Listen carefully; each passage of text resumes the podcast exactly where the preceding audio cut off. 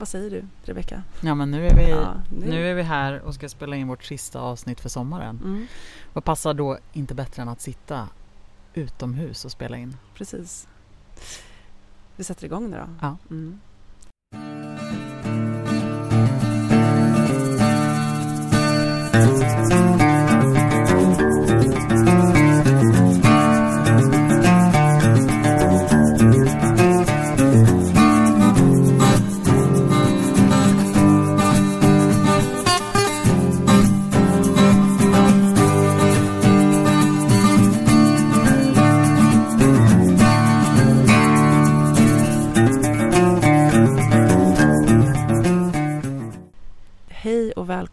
Till Präster med gäster med mig, Anna-Fia Trollbäck. Och mig, Rebecka Tudor. Och vi är präster i Tyresö församling. I Präster med gäster så bjuder vi in en gäst som sällan är här fysiskt utan det är någon eller något som vi är intresserade av och nyfikna på och som vi har satt oss i förbindelse med. Och så pratar vi om det som kommer upp i mötet med vår gäst. Yes. Idag är det den 21 juni. Och eh, det här är vårt, det är vårt 24 avsnitt. Mm. Men det 23 avsnittet blev aldrig släppt. Nej. Vi, ång, vi, eh, vi ångrade oss. Ja, du hade en väldigt stark känsla av att eh, det inte blev bra. Ja, Som att vi inte hade satt oss i förbindelse nej, med den gästen. jag vet. Det, det kändes väldigt starkt intuitivt Ja. att eh, jag har inte ens lyssnat på det. Nej, du har bara raderat det. Nej, det har jag inte gjort. Nej. Men eh, Kanske att du vågar låta mig lyssna på det vid tillfälle. ja, kanske. Så får vi se. Ja, men precis. Kanske släpper det som, en, som, ett, eh, som man hade på CD-skivor förr när det kom B-sidor. Just det, just Mm. Eller det hemliga spåret. Ja, exakt. Ja. Just det, det hemliga spåret. Mm. Men eh, du får berätta Rebecka var vi sitter någonstans. Ja men vi sitter ju på eh, ett landställe, Ja. vårt landställe, ja inte ditt och mitt men mitt och Matildas i Malmsjöberg Var ligger det någonstans? eh, strax utanför Malmköping Mm. eller om man känner till Flen kanske man gör bättre. Och eh, vi sitter vid en liten, eh, en liten sjö som kallas Nedingen eh, och ja det är väl det Tudorska paradiset. Ja, Och här brukar vi, har vi som haft tradition att fira midsommar nu så länge som vi haft huset i fem år. mm. Så idag är det ju liksom annandag midsommar kan man säga. ja det är det. Mm. Precis. Igår var årets längsta dag. Ja men och det Ja. pratade du mycket om. Sommarsolståndet var det Ja. igår på midsommardagen alltså. Mm. Också för att det är så lätt att missa. Alltså man har fokuserat på midsommar och sen så, ja men man vet ju att det är, liksom det är vår ljusaste tid Mm. på året. Men eh, jag vill liksom, ja det, det var viktigt att liksom vara så här, nu är det den längsta dagen. Mm. det Varför är känns det ljusast. viktigt? Varför känns det viktigt? Ja men bara få så kapsla in det ännu mer Mm. med ljuset. Jag vet inte, Mm. jag njut, jag, någonting i mig har liksom njutit av att så här, nu vet jag att det är den här, att det är så. Mm. Eh, nu är det liksom, nu är det den allra längsta dagen. Mm. Lite fånigt kanske men ehm, Ja, jag hade väntat mig lite olika riter igår som du skulle utföra. utföra men Ja. det, det blev ingen Ja, rit. det blev inte, jag Men pratade Du mest pratade om väldigt mycket om det. att det var den längsta Ja, dagen. jag tror att vi skålade många gånger, Många för, gånger. för detta.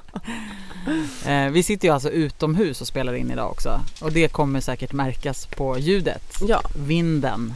det blåser idag. Ja. Mm. Eh, Så vi hoppas att lyssnarna, att ni har överseende med, med vinden. ja. Ja. Jag tänker att ni kan föreställa oss på en altan, eh, utsikt mot en sjö, mycket skog runt omkring Mm. och vinden som blåser och Mm. solen som skiner. Mm. Exakt. Men eh, det är midsommar. Vad händer i kyrkan? Vad, vad, midsommar sammanfaller med vad i, under kyrkåret? Mm, vi firar Johannes döparen. Mm. Mm. Och Johannes döparen var Jesus eh, syssling. Ja, eh, kallas Johannes döparen för att det var han som döpte Jesus. Precis. Eh, och eh, beredde ju väg för Messias kan man ju Mm. säga. Eh, en eh, predikant eh, och som predikade om Messias som skulle komma. Ja precis, och han sa att människor skulle omvända sig och erkänna sina synder och så Mm. blev man förlåten. Så en del av det, liksom, tänker jag, det fundamentet i den kristna tron kommer ju också från Johannes döparen. Mm. Mm. Det är intressant. Han är en eh, intressant figur tycker jag. Mm. Mm. Sen så blir han ju mördad, eller han avrättas Mm. kan man säga. Men ehm, precis, det har man förlagt på midsommar, Johannes döparen. Jag tycker faktiskt att det är lite trist att man har gjort det. Mm. Därför att eh, eftersom att midsommar är en sån stark högtid, det är ju liksom en hednisk högtid från början, så är ju inte det en sån stark, det är ingen stark kyrklig högtid såklart. Mm. Då tycker jag att, jag tycker att det är lite fräckt att man har lagt in Johannes döparen där. Du hade velat att han skulle få mer plats? Ja, Eller liksom jag har aldrig till en- jobbat på midsommardagen eller som idag då på söndagen, Mm. annan midsommar. Mm. Men eh, det kommer jag säkert göra någon gång. Mm. Ehm, Men, men man skulle kunna låta Johannes döparen få lite mer plats än att lägga det just på midsommar tycker jag. Mm. Men men, man kan inte få allt. Inget jag har reflekterat så mycket över men, eh, men jag håller med dig om att det det är inte ofta som jag själv går i kyrkan just kring midsommar heller. Nej, Faktiskt. man är ofta bortrest. Ja men precis. Vi Men- har våra hedniska eh, traditioner istället. Ja, det har vi. Mm. Men det är fint att få fira ljuset och sommaren. Mm. Ja verkligen. Fruktbarhet och sånt. Mm. Ehm, ska vi ta och bjuda in där helt enkelt?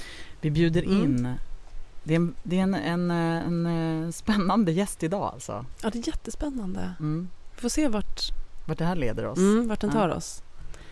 Så då säger jag helt enkelt välkommen till altanen i Malmsjöberg. Den babyloniska skökan. The Whore of Babylon. Vad mäktigt namn. Ja. Eh, vi har pratat väldigt mycket om den babyloniska skökan under den här helgen. Det har vi. Men jag, ska, jag presenterar henne eh, lite kort. Den babyloniska skökan är en karaktär kan man säga i Uppenbarelseboken som är ju då Bibelns sista bok och Nya testamentets sista bok. Eh, vi har pratat om Uppenbarelseboken i avsnittet om Apokalypsen också. Eller ja, precis. Mm. Eh, och det är ju berättelsen om vad som händer vid tidens slut. Eh, han, nu ska vi se, eh, Uppenbarelseboken skrevs kring år 100 av eh, författaren som hette då Johannes och var en kringresande judisk kristen profet. Och han skrev då till församlingar i eh, västra mindre Asien. Det är en märklig text som har liksom förvirrat sina läsare. Ett rikt bildspråk. Den är häftig på det sättet. Och den handlar om den sista striden då mellan Gud och Satan. En kosmisk kamp där Gud ingriper i historien och besegrar all ondska. Eh, Men många av de här bilderna har ju liksom följt med, har ju levt kvar också som att man har försökt eh, se det som en, verkligen en profetia och Mm. läsa in saker som har hänt i historien. Det har ju, tror jag, människor gjort nästan i alla tider Mm. och jag gör även nu. Liksom. Ehm, men men som att, det är som att det är som ett kodspråk. Man undrar vad allting betyder. Mm. Eh, Men bland annat då så finns, och i Uppenbarelseboken finns karaktären den babyloniska skökan. Och det som man brukar säga och det som det står om henne är att hon är en bild för romarriket. Eh, Romarriket som var kolonisatör Mm. Ehm, och att det är den koloniserande makten som, som författaren liksom vänder sig emot. Mm. Ehm, men och man vet att Rom, det finns en så krigsgudinna som, het, som heter Roma och att det är det som den babyloniska sk- skökan representerar. Eh, men och det som händer med henne är ju att hon hon, eh, hon porträtteras som den liksom ondskan själv Mm. eh, och hon våldtas, lemlästas brutalt och mördas. Det är det som händer med henne. Mm. Eh, Ja men precis och oavsett om det är en, som sagt hela, hela uppenbarelseboken är ju är ju verkligen en bok att tolka. Eh, som du sa, det är så extremt mycket symboler och liksom siffror och mystik på något sätt. Mm. Ehm, så även om det inte liksom handlar om en kvinna utan om då till exempel romarriket och det har gjorts flera olika tolkningar om vad det skulle kunna vara men Mm. så ändå så gestaltas det som en kvinna Precis. Och det, och det, och det är brutalt. ja, det är verkligen brutalt. Ville du, gör så här, nu ska du få läsa lite Rebecka. Mm. Bara så att lyssnarna får en, en bild av hur hon porträtteras. En av de sju änglarna som hade de sju skålarna kom och talade till mig och sa Kom, jag ska visa dig domen över den stora skökan som bor vid stora vatten. Henne har kungarna på jorden horat med och jordens invånare har berusat sig med hennes otuktsvin. Och han förde mig i anden ut i öknen och jag såg en kvinna sitta på ett scharlakansrött odjur som var fullt med hädiska namn och hade sju huvuden och tio horn. Och kvinnan var klädd i purpur och scharlakansrött och lyste av guld och ädelstenar och pärlor. I handen hade hon en guldbägare som var full av skändligheter och smutsen från hennes otukt. Och på hennes panna var ett namn skrivet, en hemlighet. Det stora Babylon, moder till alla skökor och skändligheter på jorden. Och jag såg att kvinnan var berusad av blodet från de heliga och blodet från Jesu vittnen och jag såg på henne med stor förundran. Ängeln sa till mig, vad undrar du över? Jag ska tala om för dig hemligheten med kvinnan och med odjuret som bär henne och som har de sju huvudena och de tio hornen.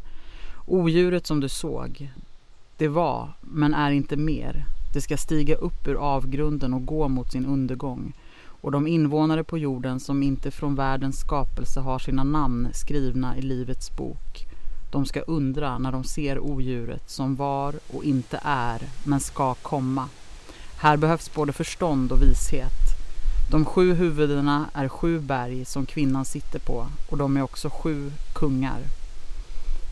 Jag hoppar lite. Ja, men gör det.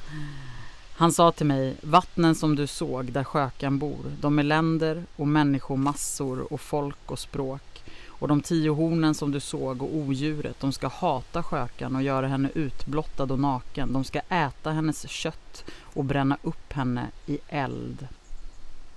Ja, jag stannar. Mm. Det, det fortsätter, det är framförallt då i kapitel 17 och 18 som man läser om Mm. den babylonska skökan. Precis. En sak som jag har eh, som jag tänker på som är intressant kring eh, till exempel kring den babyloniska skökan och Uppenbarelseboken. Man kanske kan säga att det finns flera, i Uppenbarelseboken finns det eh, några olika så här kvinnofigurer. Eh. Dels så är det babyloniska skökan och den babyloniska skökans Ja, men då, sen finns det en som kallas för kvinnan som är klädd i solen. Va? Mm. Och sen så finns det bruden, eller det nya Jerusalem.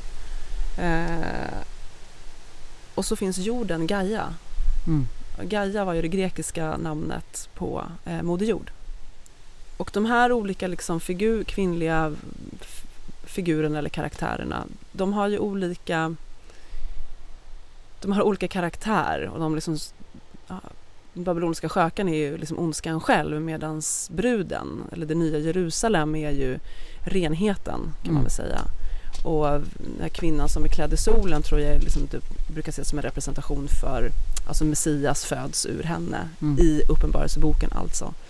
Ehm, men det är intressant att tänka på hur vi som kvinnor genom hur vi liksom, hur gör vi när vi tolkar det här? Mm. Att det finns lite olika sätt som man kan göra det på. Um, och då så läste jag i en, det fin, en kommentarlitteratur till Bibeln som heter då Women's Bible Commentary som har liksom ett feministteologiskt perspektiv på och tolkar Bibeln utifrån det perspektivet.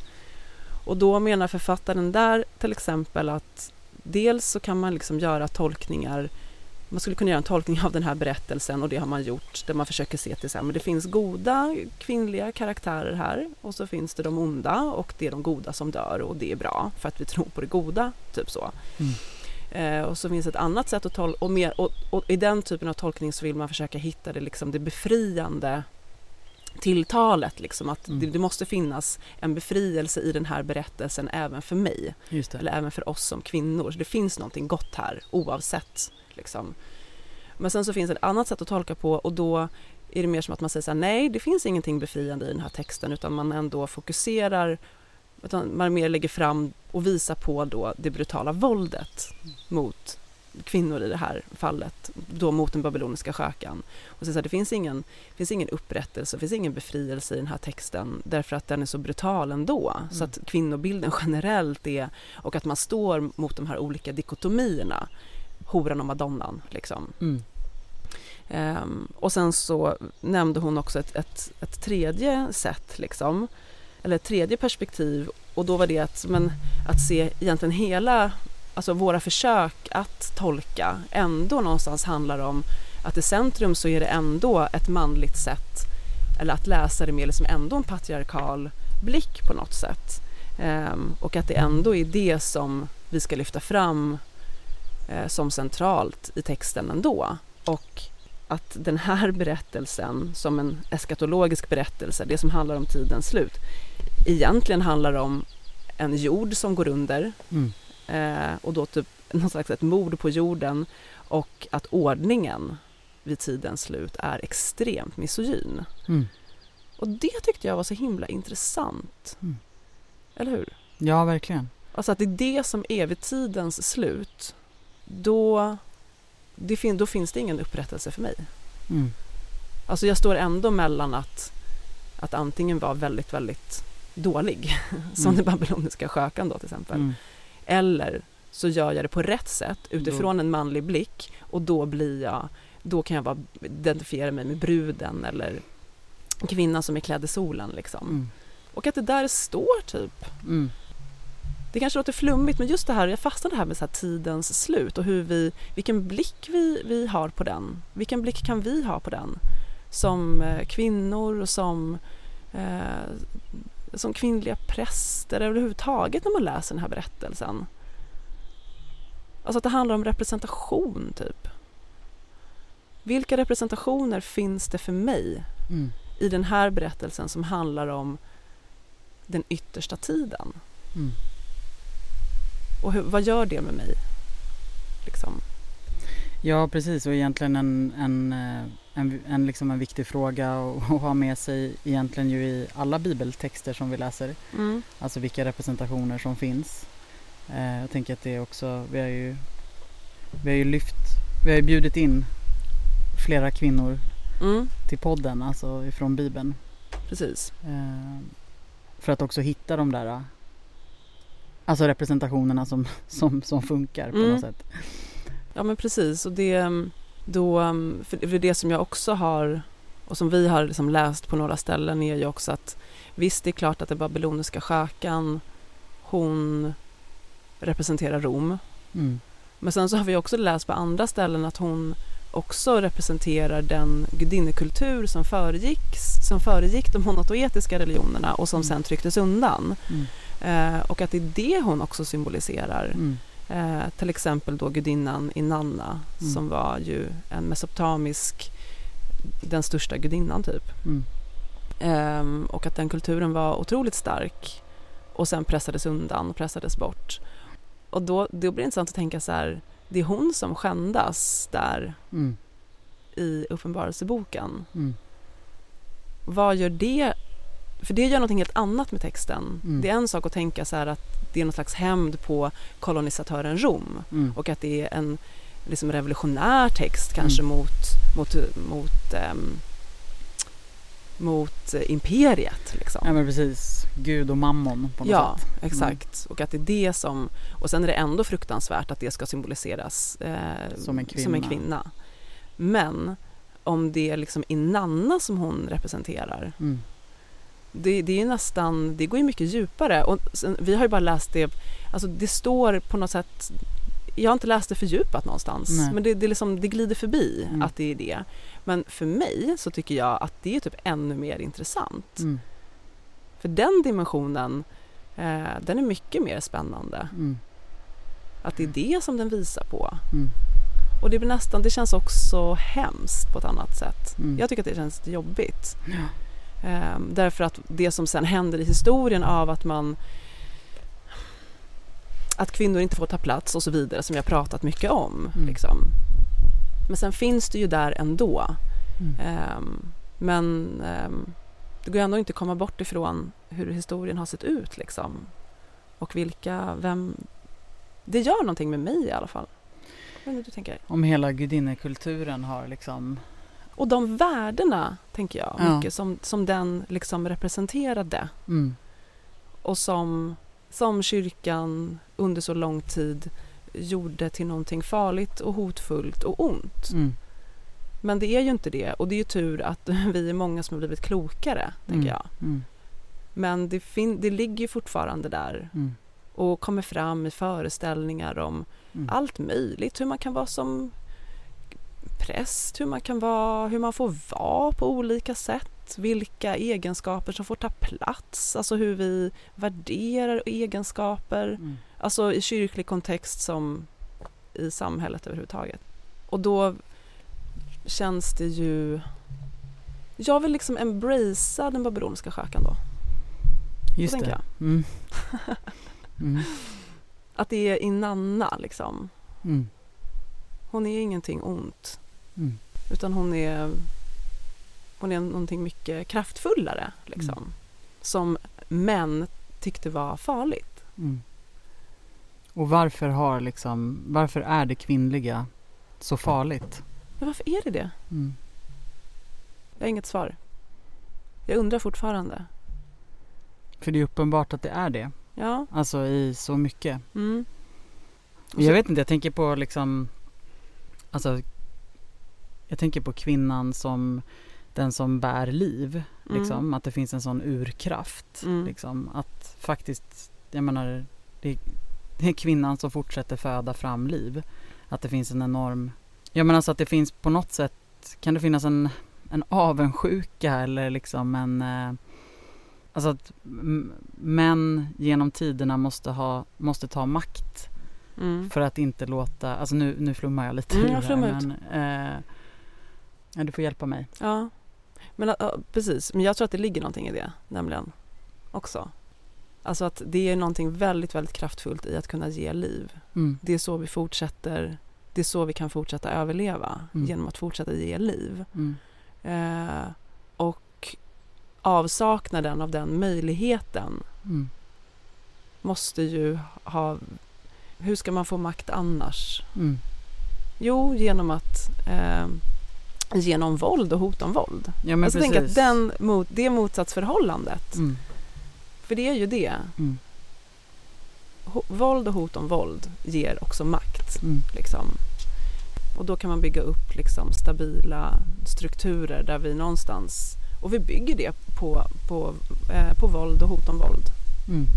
I botten, Mm. inte så att alla människor går omkring och är rädda för att eh, bli slagna, men jag tänker att det ändå finns någonting i det som medans om vi skulle bygga ett samhälle som är byggt på kraften som handlar om att ge liv Mm.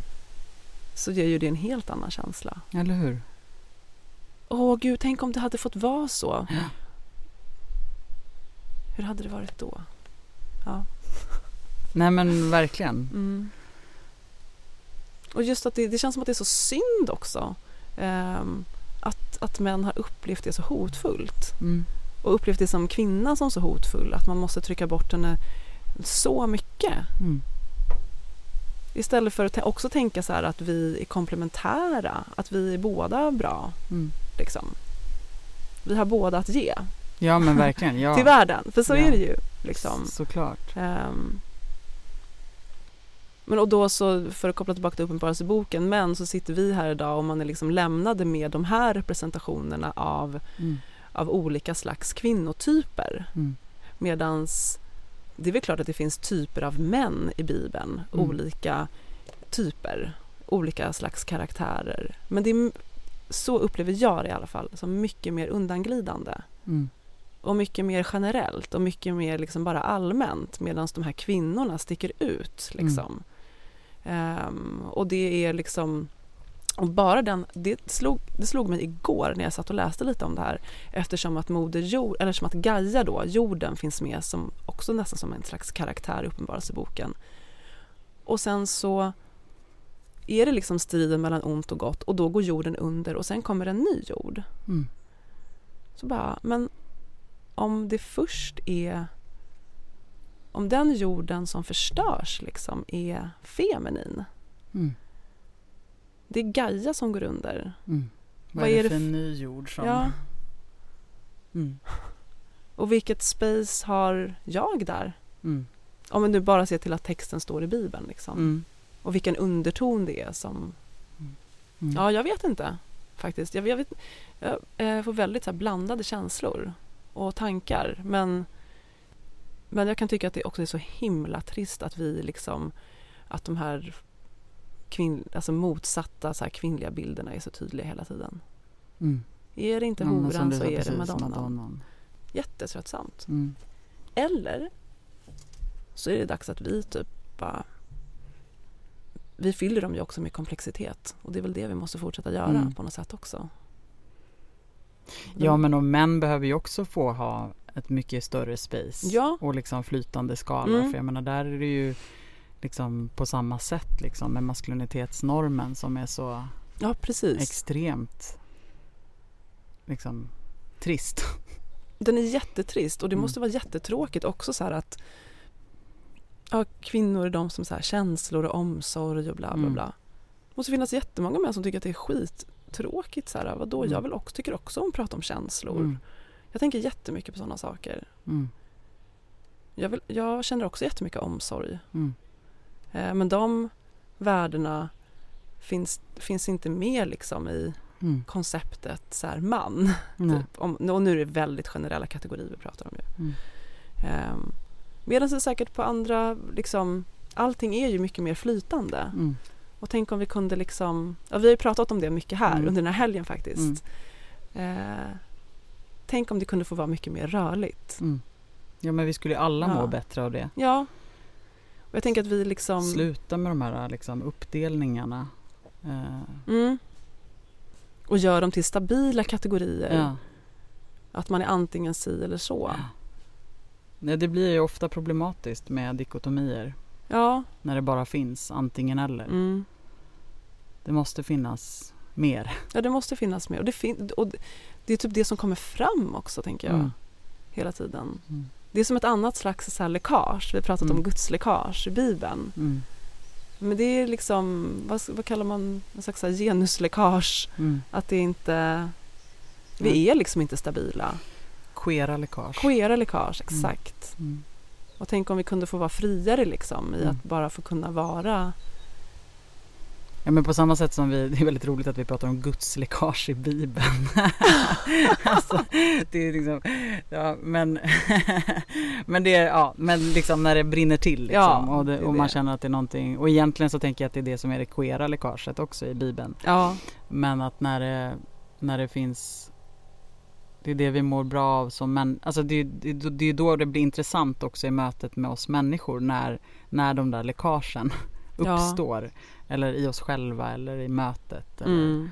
eh, ja men precis. Jag tänker sådär ibland när man har varit och jag vet inte, allt ifrån en middag till att ha stått och pratat med föräldrar i parken när ens barn leker till när man går hem och bara är så här, varför var det så himla dött? mm, Vem var jag i det här samtalet nu? mm, Det borde ha varit trevligt. mm, Och jag tänker så här, ja, men det kanske varit gånger när det är bara vi är så himla, vi ska bara stå och vara stabila mm. i våra liksom roller och vilka vi är och vilka vi tror att vi är Mm. inför varandra. Mm. Det är bara utifrån, jag, jag bara står och pratar utifrån en form nu. Det har ingenting, det har ingenting med mig att göra. Vi står och pratar bara som två mammor typ som, Mm. eller vad det kan vara. Ja men det kan man ju verkligen känna igen sig i. det kan lämna mig med en sån otrolig tristess. Liksom. Mm. Men vi är mycket mer än så här. Sen Mm. behöver man inte stå och ha jätteexistentiella samtal. Det är inte det jag Nej. menar. Men när det känns som att det inte är... Jag ser inte dig på riktigt Mm. nu. Mm. Vi är bara, vi är bara former liksom, som står och pratar med varandra. Och sen precis som du säger, när man får fatt i det Mm.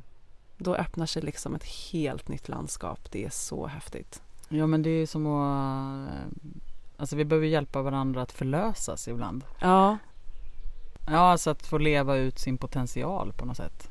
Att vi är mycket Ja. mer. Ja, då, och då är, då är det väldigt knepigt med, med uppdelningen manligt, kvinnligt eller män och kvinnor eller vad som är liksom Mm. de här. Vi är, i djupet så är vi ju människor Ja, som har där allt finns, alltså det manliga och det kvinnliga liksom ja, ryms ju inom oss alla. ja men exakt. Eh, Det är bara tråkigt när vi fyller de där begreppen med liksom har bestämt oss för vad som är vad Mm. på något sätt. Ja men precis, att det blir stabilt och, och liksom oföränderligt. Ja. Men det är mycket mer ja, det är mycket mer flexibelt och rörligt än så. Mm. Och det gör oss ju också till mycket, alltså, att titta på varandra så, med, med, sån blick, med den blicken gör oss ju också till att vi är mycket mer spännande. Mm. Som vi bara kunde, ja men det är ju frigörande Mm. liksom. Mm. Och det, det på något vis, eh, det ska göra oss fria tror jag. Mm. Det skulle göra oss fria Mm. re, som människor. Mm.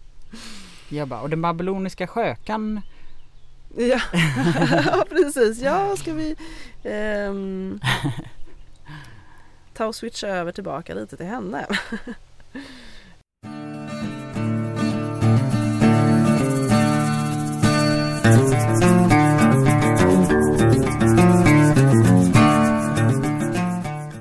finns en till bild i eh, Uppenbarelseboken som också är väldigt spännande. Det, på engelska kallas den, heter det The Abyss, eller Avgrunden blir det Mm. på svenska. Mm. Eh, och avgrunden är... Jo, men avgrunden är liksom ett bottenlöst hål där allt ont, alla onda varelser finns. Och under medeltiden så gjorde man målningar av den här avgrunden. Och då så blev det, det kallas för Hellmouth, Hellmouth, Hellmouth. alltså helvetesmun. mun. Ja, precis. Ehm, och det har man avbildningar av den som ett, jättes, ett monster med ett jättestort huvud, alltså med ett gigantiskt gap med um, vassa tänder. Eh, så det kan man googla på, Hellmouth, och då kommer man få upp ehm, Ja, de är, de är jättemärkliga och roliga de där bilderna. Och då så i den här kommentarsboken då, som jag nämnde tidigare, Women's Bible Commentary, då så gör hon, hon gör liksom som en så freudiansk eh, liten tolkning Ja. av vad den här avgrundskäften liksom, symboliserar. Och det tyckte jag var så eh, spännande för då menar hon att så här, det kan man ju se, den här gigantiska munnen med tänder kan ses liksom som en så stor vagina eh, som på något sätt är beredd att kastrera varje liksom, man som kommer alldeles för nära kanten. Eh, men att det finns en otrolig kraft Mm. i, det här, i den här eh, hålet, liksom, i den här avgrunden. Ehm, och då så ställer hon frågan så här, är det den kvinnliga kraften som har liksom gjorts ond? Mm. Är det liksom det som, den representer- som avgrunden representerar då i Mm. um, Uppenbarelseboken? En gigantisk vagina med tänder, huggtänder, Precis, redo Ja. att krossa. exakt. Fast ändå då så kont- i berättelsen här då kontrollerad av en manlig gud. Just det. Då. Men, menar hon då, eh, men hur kan då kvinnliga läsare liksom reclaima det spacet som den här liksom avgrunden ändå liksom innehåller? Mm. Och det tyckte jag var en sån otroligt häftig fråga. Det var Mm. en så himla häftig bild. Ehm, och bara visst, det är en så här aggressiv bild Mm. liksom. Men ändå så här, men tänk vilken kraft. Kraft ja. Mm. Ja men då är vi tillbaka i Ja. den där urkraften ju Mm. som finns.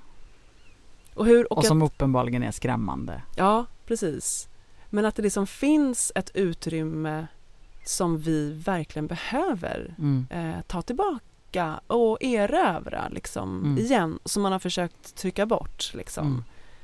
Så stängt igen den där munnen, Just det.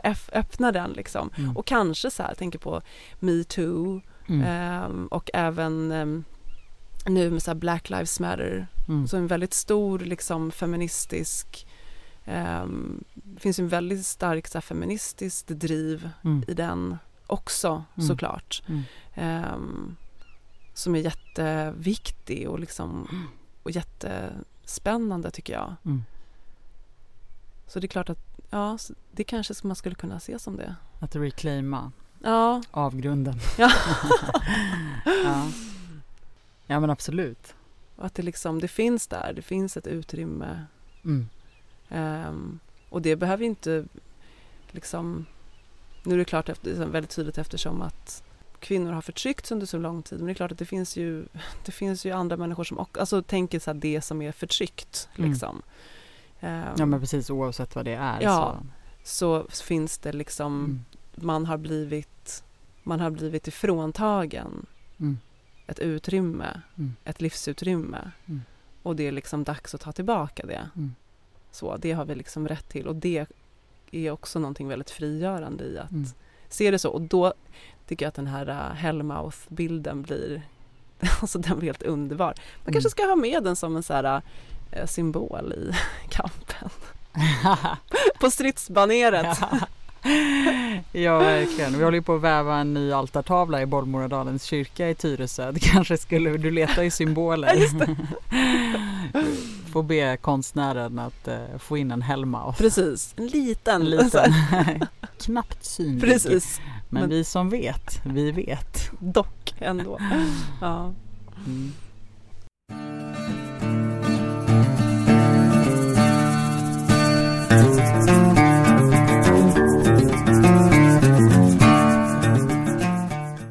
Det är sommar nu. Ja det är det. Mm. Det är vårt sista avsnitt innan sommaren. Det blir ett lite kortare avsnitt idag. Mm. Sommaredition. Sommaredition ja. Eh, utomhus. Ja. Och, eh, ja, men vi ville ju passa på att göra ett till avsnitt när vi för att också få säga glad sommar. Ja, Eh, verkligen. Och, Och, så, och jag är så himla glad över det, eh, över alla lyssnare. mm, Eh, och det är jätte, jätteroligt. Det har Mm. varit väldigt, det, vi lever ju i en väldigt märklig och konstig tid Mm. med ehm, covid-19. Och samtidigt så hade vi aldrig kunnat börja spela in varje vecka. nej. nej, det har gjort någonting. Det har gjort någonting. Mm. Ja.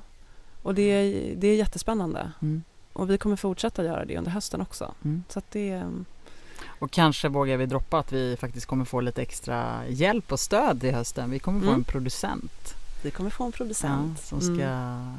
tajta till det och hjälpa till att producera och klippa. Mm. Eh, Så det är vi så tacksamma för. Ja, Eh, ska bli känns superroligt.